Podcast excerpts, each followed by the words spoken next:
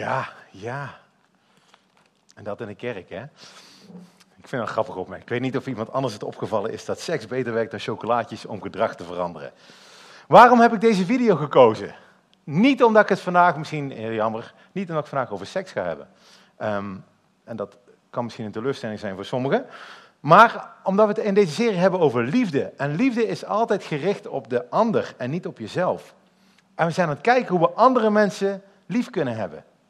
En wat je hier heel veel ziet, is dat Sheldon probeert om er zelf beter van te worden door chocolaatjes uit te delen. En ik wil niet dat deze serie eh, erover gaat om trucjes aan te leren om anderen eh, te manipuleren. Maar juist dat we een ander lief hebben. Ook al is het lastig voor onszelf. Vandaag is het het laatste deel van de serie Tot jij mijn liefde voelt. Uh, en als je er alle keren was, dan heb je al iedere keer een inleiding gehoord van deze serie. En toch, omdat er iedere week nieuwe mensen zitten, uh, blijf ik even kort de serie inleiden. Voor de mensen die hier nog de andere aflevering gemist hebben, of misschien één of meer gemist hebben, ze staan natuurlijk ook in de podcast op onze website, dus je kan gewoon terugluisteren. Maar ik zei net, liefde is op de ander gericht. En als je in een relatie zit, of, of het nu een vriendschappelijke relatie is, of een ouder-kindrelatie, of een romantische relatie, dan weet je dat het misgaat als je alleen maar aan jezelf denkt. Dat, dat weet eigenlijk iedereen. En dat snappen we ook allemaal wel. Uh, als je egocentrisch bent, dan werkt een relatie niet. Maar zelfs als je wel op de ander gericht bent, en, en de ander lief wil hebben, dat betekent dan niet automatisch dat de ander het ook zo ervaart. En dat het dus goed gaat in de relatie. En uh, Dr. Chapman, Dr. Gary Chapman, uh, die ontdekte dat. Hij is een, uh, een therapeut uit Amerika. En hij zag dat mensen die hun best deden om een ander lief te hebben, dat niet altijd lukte. Dus mensen die zich uitsloven, maar dat er niet overkwam op de ander. En hij schreef hier een boek over, en het boek heet De Vijf Talen van de Liefde. En, en, en de kern van zijn boek komt erop neer dat hij zegt dat iedereen, jij en ik, wij allemaal, dat we een soort liefdestank hebben. En als die tank gevuld is, dan voelen we ons geliefd. En dan kunnen we ook heel makkelijk uitdelen aan de mensen om ons heen. Maar als de tank bijna leeg is, dan voelen we ons minder geliefd. En dan is het ook veel moeilijker voor ons om uit te delen aan de mensen om ons heen. En Dr. Chapman ontdekte dat er vijf manieren zijn om die tank te vullen. Vijf verschillende talen noemde hij dat, vijf verschillende manieren om mensen, waarop mensen liefde geven, maar ook waarop mensen liefde ontvangen. En hij noemt dat dus de vijf liefdestalen. En dat zijn tijd en aandacht, dus tijd besteden met elkaar, kwaliteit tijd. Positieve woorden, een complimentje, een, een fijn woord voor een ander. Cadeaus, sommige mensen bloeien helemaal op als ze met vaderdag een cadeautje krijgen. Dienstbaarheid, dat je iets doet voor een ander. De vaatwasser maken, de was doen, strijken. En vandaag nummer vijf, aanraking. En als jouw liefdestaal gesproken wordt, als iemand iets doet wat bij jouw taal past, dan vult jouw liefdestank. En daardoor denken we vaak, hé, hey, dit heeft dit effect op mezelf, dus als ik dat bij een ander doe, dan vult het ook zijn of haar liefdestank. Maar dat is niet zo. We spreken graag onze eigen taal, onze eigen liefdestaal. Maar niet iedereen, en vaak juist de mensen waar we dichtst bij zijn, niet iedereen heeft dezelfde liefdestaal. Veel mensen spreken een andere taal. Dus ondanks onze inspanning, we kunnen heel dienstbaar zijn voor iemand, maar als zijn, als zijn liefdestaal knuffels is, knuffel krijgen, ja, dan, dan kan je zoveel dienen als je wil, maar dan komt die ander tekort. En daarom is het heel belangrijk om de liefdestalen te leren herkennen van jezelf, want dan weet je wat je van jezelf uit geneigd bent om te geven, maar juist ook van de mensen om je heen.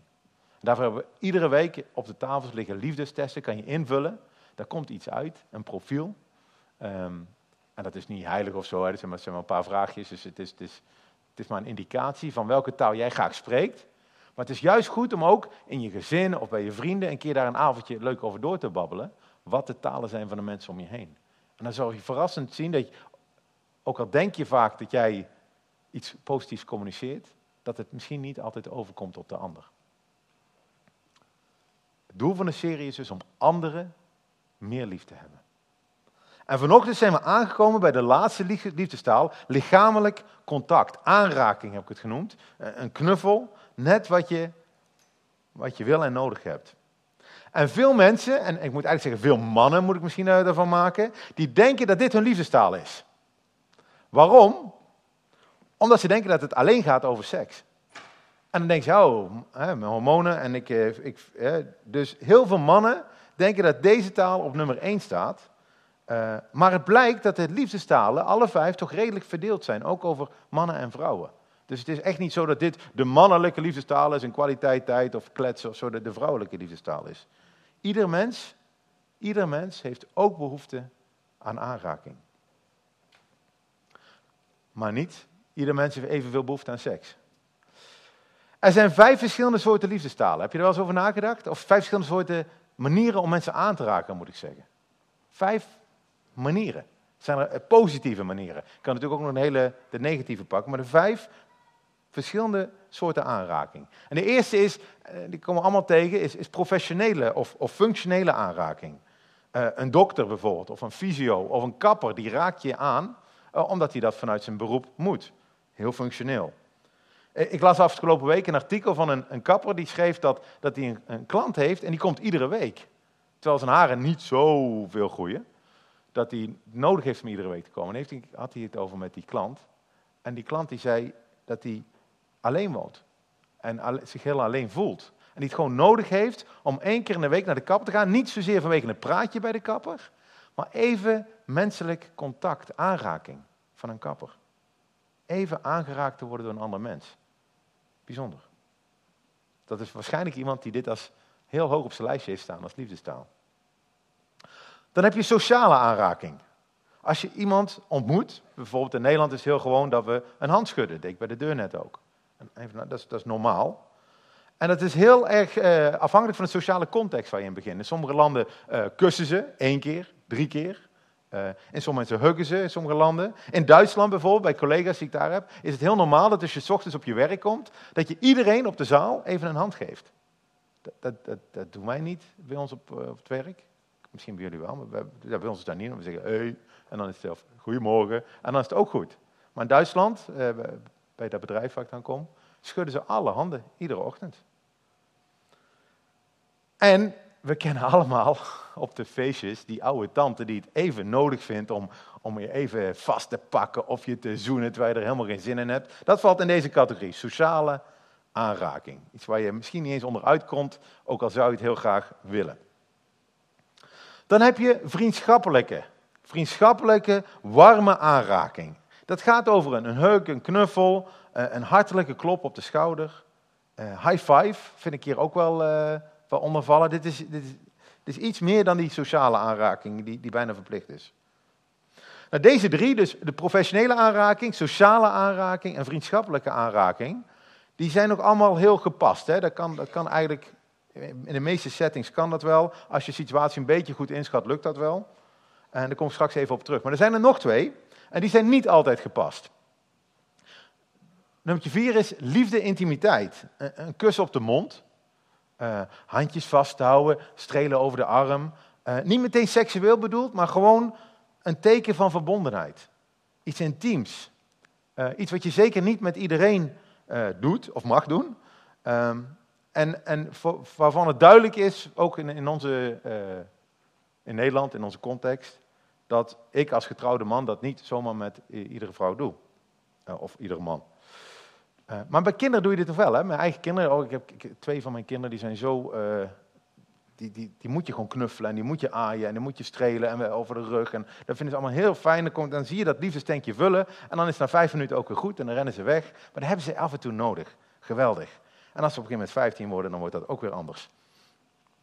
Hè? En last but not least, de laatste van de vijf.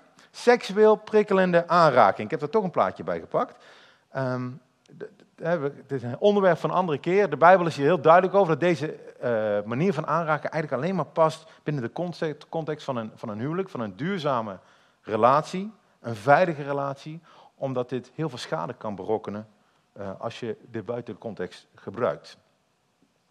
Dus in die zin is er scheiding tussen gepaste en ongepaste aanrakingen. En daar gaat het vaak ook mis. Uh, misschien Misschien ook door de verschillende liefdestalen. Voor de ene is een hug heel makkelijk om te geven. En, en, maar een ontvangende partij kan het helemaal verkeerd opvatten als hij daar niet voor open staat. Of dat hij een nare ervaring heeft. Of dat hij denkt dat je bijbedoelingen hebt. Leeftijd, hormonen spelen hier zeker een rol in. Ik weet nog heel goed dat ik als eh, 16-jarige het heel eh, moeilijk vond. Ik woonde toen in Amerika en daar was hugging was heel normaal. Maar een, een heel mooi meisje huggen, dat was toch moeilijker dan, eh, omdat het toch eh, in mijn hoofd eh, een stap verder ging. Gelukkig heeft mijn, mijn moeder mij op een gegeven moment op dansles gestuurd, waar je meisjes functioneel moest aanraken voor het dansen. En dat heeft me wat rustiger gemaakt daarin. En ja, dat was goed. Maar ook daar zochten we wel de grens op. Wat is, wat is gepast en wat is ongepast? Maar doordat we in onze maatschappij heel veel voorbeelden hebben van waar het misgaat. eh, denk bijvoorbeeld aan, misbruik in de kerk. Denk aan eh, ongewenst gedrag in Hollywood. De hele, hele MeToo, hashtag MeToo-beweging die momenteel nog steeds eigenlijk doorgaat. Zijn we sneller aanraking gaan associëren met seksualiteit. En dat merk je in de media steeds meer, waar, waar je misschien tien jaar geleden nog makkelijk eh, met een ander, een ander kon aanraken, dat het moeilijker wordt. Ehm, ik las afgelopen week een, bericht in de krant, en dat heb ik hier achter me staan, dat Netflix-medewerkers, het bedrijf Netflix, die heeft een nieuwe regel gemaakt. Dat medewerkers mogen elkaar geen hug meer geven en ze mogen elkaar niet langer dan vijf seconden aankijken. Ik, ja, ik, ik, ik snap misschien waar het vandaan. Ze mogen geen telefoonnummers meer uitwisselen. Dus geen, geen WhatsApp, geen sms, weet ik wat. Vanwege ongewenste intimiteiten. En ik vind dat best ver gaan. Dat je regels moet maken. Zeker voor een bedrijf waar je films maakt, waar iedereen met iedereen in bed ligt. Dat vind ik dan ook weer heel, heel bijzonder. Hoe gaan die acteurs van Netflix. mogen maar vijf seconden naar elkaar kijken? En ik, ik weet niet hoe ik dat voor moet stellen. Maar hoe, hoe doe je dat? En ik begrijp heel goed dat we alles moeten doen met elkaar om ongewenst gedrag te voorkomen. Maar of, of regeltjes zoals je mag elkaar vijf tellen aankijken, of dat de juiste oplossing is, dat weet ik niet. Zeker omdat gezond aanraken heel belangrijk is. Knuffelen, aanraken is een primaire levensbehoefte van de, alle mensen. Net zoals als eten en drinken. Baby's die niet aangeraakt worden, gaan, gaan dood. Ehm, die persoon die, die wekelijks naar die kapper ging, die had het gewoon nodig om aangeraakt te worden. En uit onderzoek blijkt dat, dat door aanraking mensen rustiger worden, dat er minder gepest wordt op school, dat kinderen geconcentreerder kunnen blijven. En dan zijn we allemaal bezig met regels te maken met, eh, om, om, om, om school veilig te maken, maar daardoor gaan we dit soort dingen waarschijnlijk verbieden. In Scandinavië zijn ze daar een be- een beetje tegenin aan het gaan. En ik heb het ook een paar scholen in Nederland al gevonden. Hebben ze kindermassage ingevoerd. Dat kinderen, lagere school, niet tieners, kinderen op de lagere school elkaar masseren. Vijf minuten voor, voor de les of zo. En daar, dat gaat pestgedrag tegen. Er zijn gewoon onderzoek naar gedaan. Kinderen worden rustiger, minder, minder, eh, minder afgeleid, beter geconcentreerd op school. Maar het feit dat we daar wel bedenkingen bij hebben, want toen ik dit las, dacht ik, oeh, is dat wel zo handig? Zou ik dat wel willen bij mij op school of bij mijn kinderen op school? Ehm, maar die komt komt voor mij juist voort uit, uit wat we in de samenleving zien, dat het vaak misgaat. En dat we die lijn moeten bewaren tussen gezond aanraken en ongezond aanraken. En dat snap ik heel goed. Als hier vandaag een tiener zit en die wil mijn dochter van 15 masseren, dan ga ik daartussen staan. Dat snap ik. Dat snap jij ook. Maar tegelijk zou ik het fijn vinden, ook als brug, als er iemand verdriet heeft, als iemand het moeilijk heeft, als woorden soms tekort schieten, ook in een mooi moment, dat er toch een, een, een, een, ruimte is voor een omhelzing, een, een heuk, want dat doet soms wonderen.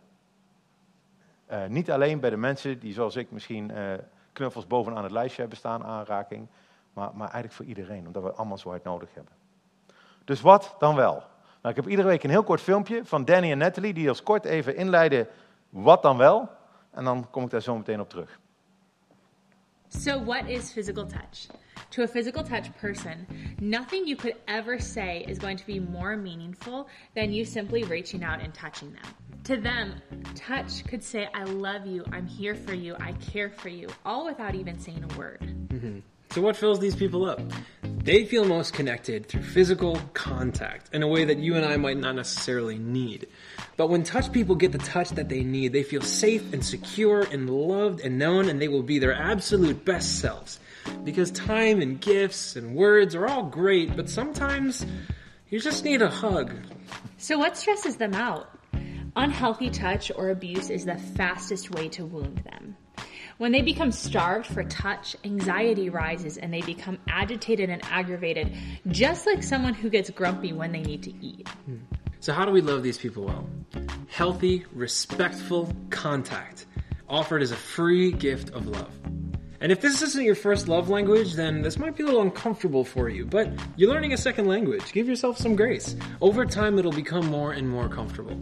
And when a touch person can clearly communicate their needs, then two people can start to move towards each other into a deeper, stronger relationship. And as Bill Hybels always says, don't do anything weird with anybody you don't know. So, does that mean I can do weird stuff with people I do know? What kind of weird stuff?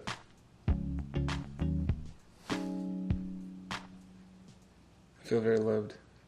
Oh. Voor wie is aanraking in nummer 1 op het lijstje? Of wie durft dat toe te geven? Toch wel, hè? Bijzonder. Weet je wat ik heel bijzonder vind in dit filmpje? Ze citeren Bill Hybels. En Bill Hybels is dominee van een grote kerk in Amerika, Willow Creek, die goed advies geeft. Hè? Doe geen rare dingen met mensen die je niet kent. Hij had heel veel regels ook, heeft hij boekjes over geschreven, over één op één contact met mensen van het andere geslacht. Om ongewenste situaties te voorkomen. En om ervoor te zorgen dat er altijd iemand bij is die jouw verhaal, die, die, die dit kan voorkomen. Gewoon dat, je, dat er iemand bij is. Maar als je nu zijn naam googelt, dan zou je zien dat hij bovenaan de eerste hits die je krijgt, is dat hij sinds april van dit jaar in het middelpunt staat, ook van een hashtag MeToo-discussie. Van vrouwen die, een groot aantal vrouwen die zeggen dat hij ook ongewenst gedrag heeft vertoond richting hun. En daarom denk ik dat het heel goed is om het over dit onderwerp te hebben. Ook bij de brug, omdat het een kerk is. En een kerk moet een veilige plek zijn. Een plek waar, waar, mensen die misbruik maken echt gestraft worden. Je ziet het veel te veel uit de, uit de geschiedenis ook. Dat, ik weet niet waarom, maar dat, dat mensen niet gestraft worden voor dit gedrag. Um, wij als brug hebben, hebben richtlijnen over hoe we omgaan met elkaar. Over pastorale begeleiding, over één op één contact. Om te voorkomen dat er ongewenste dingen gebeuren. Uh, we willen ook dat onze kinderen veilig zijn hier bij de brug. Dat je hier lekker zit, dat je niet druk hoeft te maken wat er met de kinderen daar gebeurt. Niet iedereen mag zomaar met de kinderen werken. Um, en pastorale gesprekken, zeg ik net, dat moeten, moeten veilig zijn. Niet alleen voor degene die hulp ontvangt, maar ook voor degene die hulp geeft. En helaas kunnen we niet alles voorkomen, maar we doen ons best. En daarom is openheid super belangrijk. Dat je je vrij voelt dat als er iets gebeurt, dat je erover kan praten. Dat je anoniem een, een reactiekaart kan invullen, uh, maar ook kan spreken. Uh, met mij, uh, met mijn vrouw, met andere stellen binnen de brug. En dat je ook moet weten dat iedereen hier onder gezag staat, inclusief ikzelf. Als, als, als er iets is wat, als ik bij de deur jou een hand geef en jij vindt het vervelend dat ik een hand geef, dan is er altijd iemand naar wie je toe kan gaan. Uh, in mijn geval, Philip Nun, Kees Parlevliet, als je ze kent, anders geef ik je de, e-mailadressen. Als ik rare dingen doe, ga naar hun. Dat zijn mensen die spreken in mijn leven en die, die corrigeren mij. En tegelijkertijd moeten we de balans houden dat niet iedere man als pedo of als verkrachter gezien wordt. Um, ook als je vertrouwen in het verleden beschadigd is. Want als er iets gebeurt en ik, wil iemand troosten, dan zou het toch heel fijn zijn als je wel een arm om iemand heen kan slaan. Want dat kan zo genezend werken. In Nederland zeggen we een schouderklopje, hè? dat is een soort uitdrukking, of een, of een steuntje in de rug. Ja, dat, dat zijn fysieke dingen uh, die we graag willen geven. Ook als je, als je blij bent dat je iemand ziet, hé, hey, wat leuk dat je er bent. Dan mag dat ook ergens uit blijken. Um, soms doen we dat heel, hè, bij de doopdiensten weet ik nog, dan mensen zo enthousiast, dan, dan gaat het vanzelf. Um, maar ook op andere momenten kan het super fijn zijn om even een, een, knuffel te geven, om uiting te geven aan, aan wat je voelt op dat moment. Gepaste lichamelijke aanraking moet kunnen. Maar geef daarbij ook jouw grenzen aan. Hè? Paulus uh, was een apostel, die, die, die leefde 2000 jaar geleden. En die startte allemaal kerken in, in Europa en in Azië. En die zegt tegen de kerk in Rome, zegt hij, als jullie bij elkaar komen, moet je elkaar begroeten met een heilige kus. Ik heb even getwijfeld vanochtend, zal ik dat bij de deur gaan doen? Een heilige kus. Uh, misschien vertaald naar nu een warme, vriendschappelijke knuffel. Misschien is dat een beter. Ik had even dat, t-shirt van Timo eigenlijk moeten lenen. Uh, wat had jij gedaan vanochtend als ik dat t-shirt, klik, aan had uh, gehad? Wat had jij gedaan? Moet je over nadenken. Zegt iets over je liefdestaal? Zegt misschien ook iets over mij? Um, ik heb het niet gedurfd. Omdat ik mensen niet het, uh, daartoe wil dwingen of zo. Dat die mensen de, die sociale druk voelen. Maar we willen wel een warme kerk zijn. Een kerk waar je iemand een huk mag geven. En ik snap dat dat niet voor iedereen is. En het is ook heel goed om dat aan te geven als je er niet van bent. Uh, ook als je geen handje trouwens wil geven bij de deur. Hè? Dat doen we omdat het sociaal verplicht is of zo. Maar het hoeft niet. Maar een huk, een heilige kus, kus hè, geeft wel invulling aan die boodschap van Paulus. Groet elkaar met een heilige kus. Ik was vorige week met een aantal uh, mannen en vrouwen maar in, in Duitsland. het zijn kerkplanters. Die, over heel Europa, ik, ik ken ze een beetje. En het zijn allemaal mensen die, die waar ik mijn geloof mee deel, waar ik mijn passie mee deel. Waar we, we zien elkaar niet zo vaak, maar als we elkaar zien, dan is het wel heel intens. Hè? Van wat gebeurt er in jouw kerk, wat gebeurt er in Eindhoven, wat gebeurt er in Belfast, wat gebeurt er in Liverpool. Dat is super mooi om mee te maken. En het is echt een cultuur daar van knuffels. Als je die mannen ziet, ja, het zijn echt knuffelberen. Dat zijn het gewoon. En, en, en ja, nou snap ik ook waarom. Ik scheer mezelf misschien dat ja, dat, dat, dat dan weer, weer afstoot of zo. Ik ben denk ik de enige uit die groep die zich, die zich wel scheert. Maar het is wel echt geweldig eh, om, om zo'n cultuur te creëren. En ik zou dit eigenlijk ook wel meer hier in de brug willen. Maar nogmaals, alleen voor die mensen die zich daar prettig bij voelen. Genoeg. We gaan naar de Bijbel toe. Want in de Bijbel zien we dat Jezus ook mensen aanraakt. Eh, vaak. Ook hele zieke mensen. Ook mensen die zo ziek zijn dat als je ze aan zou raken, dat je zelf ziek zou kunnen worden. Eh, de, untouchables van die tijd, hè? mensen die, die, die lepra hadden of zo, die, die, die gewoon uitgestoten waren uit de maatschappij, waar niemand bij in de buurt kwam, waar je een wijde boog omheen liep. Naar die mensen ging hij toe. En hij genas ze niet alleen door gewoon woorden uit te spreken, maar hij genas ze door ze aan te raken. Ik vind dat veelzeggend, dat Jezus dat doet. En, en op een dag komen een hoop mensen bij Jezus, misschien om genezingen te zien, misschien om, om alleen maar te luisteren naar hem. En er wordt een vraag gesteld aan Jezus. Hoe, hoe gaat God eigenlijk om met mensen? Met goede mensen, met, met slechte mensen. En je weet al wie die, wie die vraag stelt natuurlijk. En dan gebruikt hij het volgende beeld. Het, het, het, verhaal van de verloren zoon voor degene, of de verloren zonen, maar ik ga het over eentje van de twee hebben. En misschien ken je het, je kan het meelezen in je, in je programma. Jezus had een verhaal en hij zei, als antwoord op die vraag van hoe gaat God om met mensen? Hij zei, een, een, een man had twee zonen. En de jongste van die twee zonen zei tegen zijn vader, vader, geef mij het deel van de goederen dat mij toekomt. Een man met twee zonen. We gaan het hebben over de jongste zoon vandaag. De, de jongste zoon die, die zijn eigen weg wil gaan zonder zijn pa. Net zoals wij allemaal onze weg vaak kiezen zonder onze hemelse vader. Maar deze zoon is zo brutaal dat hij zijn erfenis opeist. Hij gaat naar zijn pa toe en zegt, pa, ik weet dat je nog niet dood bent, maar er komt een dag en dan val je dood neer kan je me nu alvast dat geld geven? Ik kan er nog niks aan doen dat jij nog leeft. Keiharde woorden. Super pijnlijk voor de vader. Wat is de reactie van zijn vader? De vader verdeelde zijn vermogen onder hen. Hij heeft twee zonen. Twee derde ging naar de oudste zoon, een derde ging naar de jongste zoon. De vader laat hem gaan. Hij laat hem niet alleen gaan, hij geeft hem alles. Alles wat hij heeft, geeft hij aan zijn twee zonen. Hij verdeelde zijn erfenis terwijl hij nog leefde. Het is waanzinnig als je erover nadenkt. Ook voor ons geldt, alles wat we hebben, hebben we gekregen van God. En de vraag is, wat doen we ermee? De jongste zoon wist wel wat hij ermee wilde doen. Niet veel dagen daarna maakte de jongste zoon alles te gelden en hij reisde weg naar een ver land en verkwiste daar zijn vermogen in een losbandig leven. Hij gebruikte alles wat hij had gekregen voor zichzelf. Om van te genieten. En dat is ook mooi. Je mag ook genieten van alles wat je hebt gekregen. Maar op een dag kom je erachter dat wat je ook hebt en wat je ook koopt en alle bling bling die je om je heen verzamelt, dat het je niet gelukkig maakt. Dat er een gat overblijft ergens. Een leegte die niet gevuld kan worden door nog een mooi tasje of nog een mooie auto of nog een mooi huis. Toen die zoon alles doorgebracht had, kwam er een zware hongersnood in het land. Zijn geld is op. Hij begon gebrek te lijden. En hij ging heen en voegde zich bij een van de burgers van het land. En die stuurde hem naar zijn akkers om de varkens te weiden. Hij verlangde ernaar zijn buik te vullen met schillen. Ik weet niet of je wel eens aardappelschillen geproefd hebt. Hmm. Schillen die de varkens aten, maar niemand gaf hem die. De varkens aten ze gewoon op. Een Joodse man die tussen de zwijnen zit en onreine dieren. En nog jaloers is op deze vieze beesten, omdat zij wel aardappelschillen hadden om te eten, terwijl hij rammelde van de honger.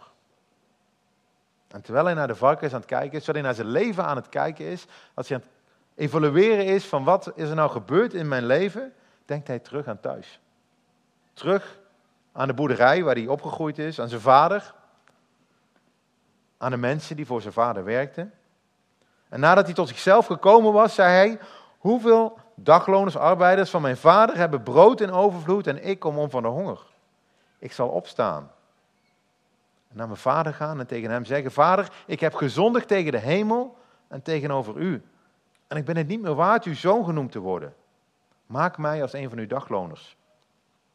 Hij stond op en hij ging naar zijn vader.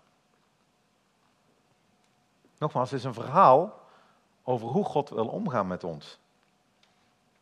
Jezus is een verhaal aan het vertellen. Hoe, ondanks dat we ver van God afzitten soms, en dus ook ver van Hem af voelen, dat we terug naar Hem kunnen gaan. De jongste zoon beseft op een gegeven moment, ik heb het fout gedaan. Ik heb, ik heb mijn vader doodgewenst. Ik heb al zijn spullen gepakt. En ik ben er vandoor gegaan zonder hem.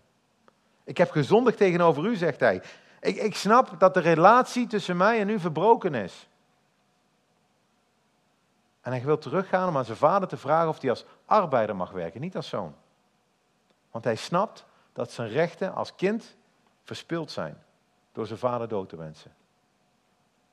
En wat is de reactie weer? Wat is opnieuw die reactie van die, die vader, de, God in het verhaal?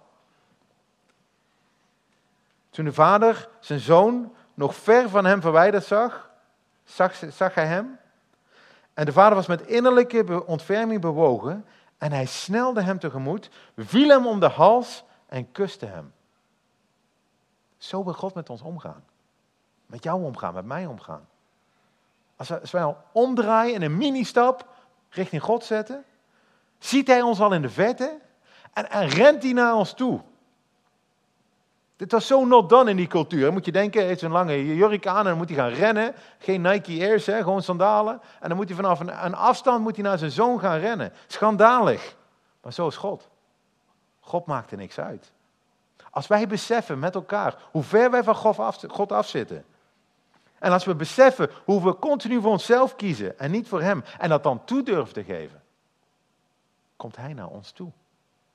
En dat heet bekering. Bekering is een woord, een zwaar woord voor sommigen van jullie. Maar bekering is niks anders dan ik ga deze kant op en ik draai om. En ik ga nou die kant op. Omdraaien. Omdraaien op de weg die je aan het gaan bent, omdat je realiseert dat het een dood einde is. Dat de weg waarop je zit niet de weg naar God is.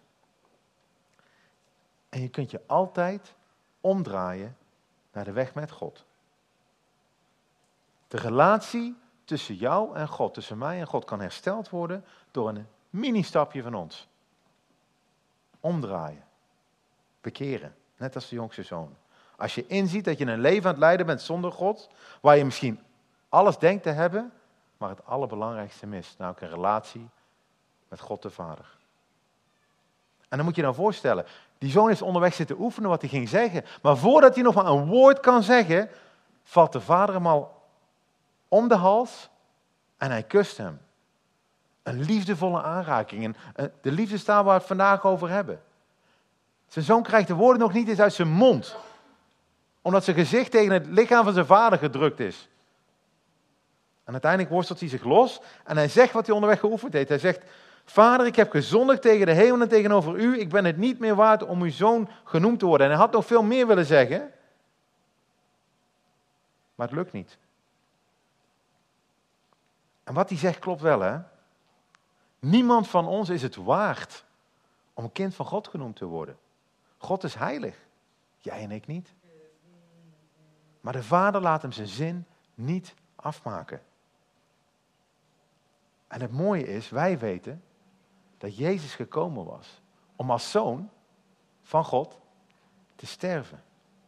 Aan een kruis, voor ons. Zodat wij kinderen kunnen worden van God. We verwisselen. Hij gaat op het kruis, iets wat wij verdienden. En wij mogen leven. En ons kinderen van God noemen. Jezus leeft een leven dat wij niet kunnen leven, sterft een dood die wij verdiend hebben, betaalt de prijs, zodat de relatie tussen ons en God hersteld is. En daarom kan de Vader in het verhaal van Jezus niet roepen van ga nou weg. Of, of ga bij de dienaars worden. Maar hij zegt tegenovergesteld, hij zegt haal het beste gewaad tevoorschijn. Trek het hem aan. Geef hem een ring aan zijn hand en sandalen aan zijn voeten. Breng hem het gemeste kalf en slachten. Dan laten we eten en vrolijk zijn. Een barbecue. Want deze, mijn zoon, was dood en is weer levend geworden. Hij was verloren en hij is gevonden. En ze begonnen vrolijk te zijn. Mijn kind was dood en weer levend geworden. Dat geldt voor ons soms ook. Als wij wegrennen van God, dan is God misschien dood voor ons en zijn wij dood voor hem. Maar hij is weer levend geworden. Zo blij is de vader met zijn zoon. Zo blij is God met ons als we ons omdraaien, als we ons bekeren, als we naar hem toekeren. En van alle beelden die Jezus had kunnen kiezen om een verhaal te laten te vertellen over hoe God met ons om wil gaan, kiest hij dit verhaal. God, een God die knuffelt. Een God die ons omarmt. Een God die ons zijn liefdevol kind noemt. En voor degenen die opgelet hebben en die misschien niet knuffelen als eerste uh, liefdestaal hebben staan, die zullen herkennen dat hier de andere liefdestalen ook in voorkomen. Hij, hij bouwt een feestje, hij geeft tijd en aandacht speciaal voor zijn zoon. Die zoon krijgt cadeaus, een ring, een gewaad, sandalen. Hij krijgt positieve woorden. Mijn zoon is gevonden. Er is een feestje. En er is dienstbaarheid. Er wordt een barbecue opgezet, er wordt van alles ingericht. Zo wil God met ons omgaan. Waarom? Omdat God liefde is. En nu is de vraag aan ons, en aan mij, aan jou. Wil jij ook zo'n relatie met God? Ben je bereid om je om te draaien en in de armen te vallen van een liefdevolle vader? Ben je bereid om je oude leven op te geven en een, een nieuw leven te leiden met Hem? Terug naar de boerderij. Henry Nouwen schreef een boekje, dat heet Eindelijk thuis. Dat gevoel. Tot jij mijn liefde voelt, zegt God. Een plek waar je liefdestank gevuld wordt. Niet door de mensen om je heen, maar door God zelf. En zodat je kan uitdelen in een taal die mensen om je heen keihard nodig hebben. Tot zij jouw liefde voelen. En de liefde van God. Wil je dat? Wil je dat? Als je nog niet gedaan hebt, zou je dan ook willen overwegen om je te laten dopen? Als bevestiging van het nieuwe leven. Om te laten zien dat je je oude leven hebt afgedaan. En dat is een symbool van de doop. Doodgaan in het water. Je oude leven afgedaan. Omgedraaid van de weg die je zelf wandelen. En op de weg gaan lopen naar God. Je oude ik sterft in het water. En je nieuwe ik staat op. Het is een symbool.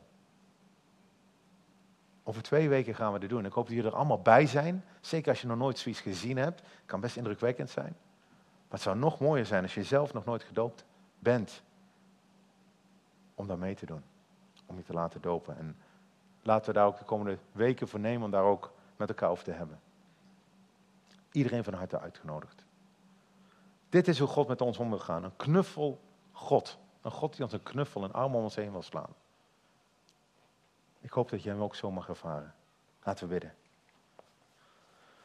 Vader, wat bijzonder dat soms we zo'n beeld hebben dat u zo ver van ons vandaan staat. Dat u een eindeloze God bent, almachtig. En dat klopt ook allemaal. Maar dat u dan met zo'n voorbeeld komt. Een papa die staat op de uitkijk staat. Die staat te wachten totdat wij een, een mini-stapje naar hem toe nemen, zodat hij naar ons toe kan snellen en ons kan omarmen.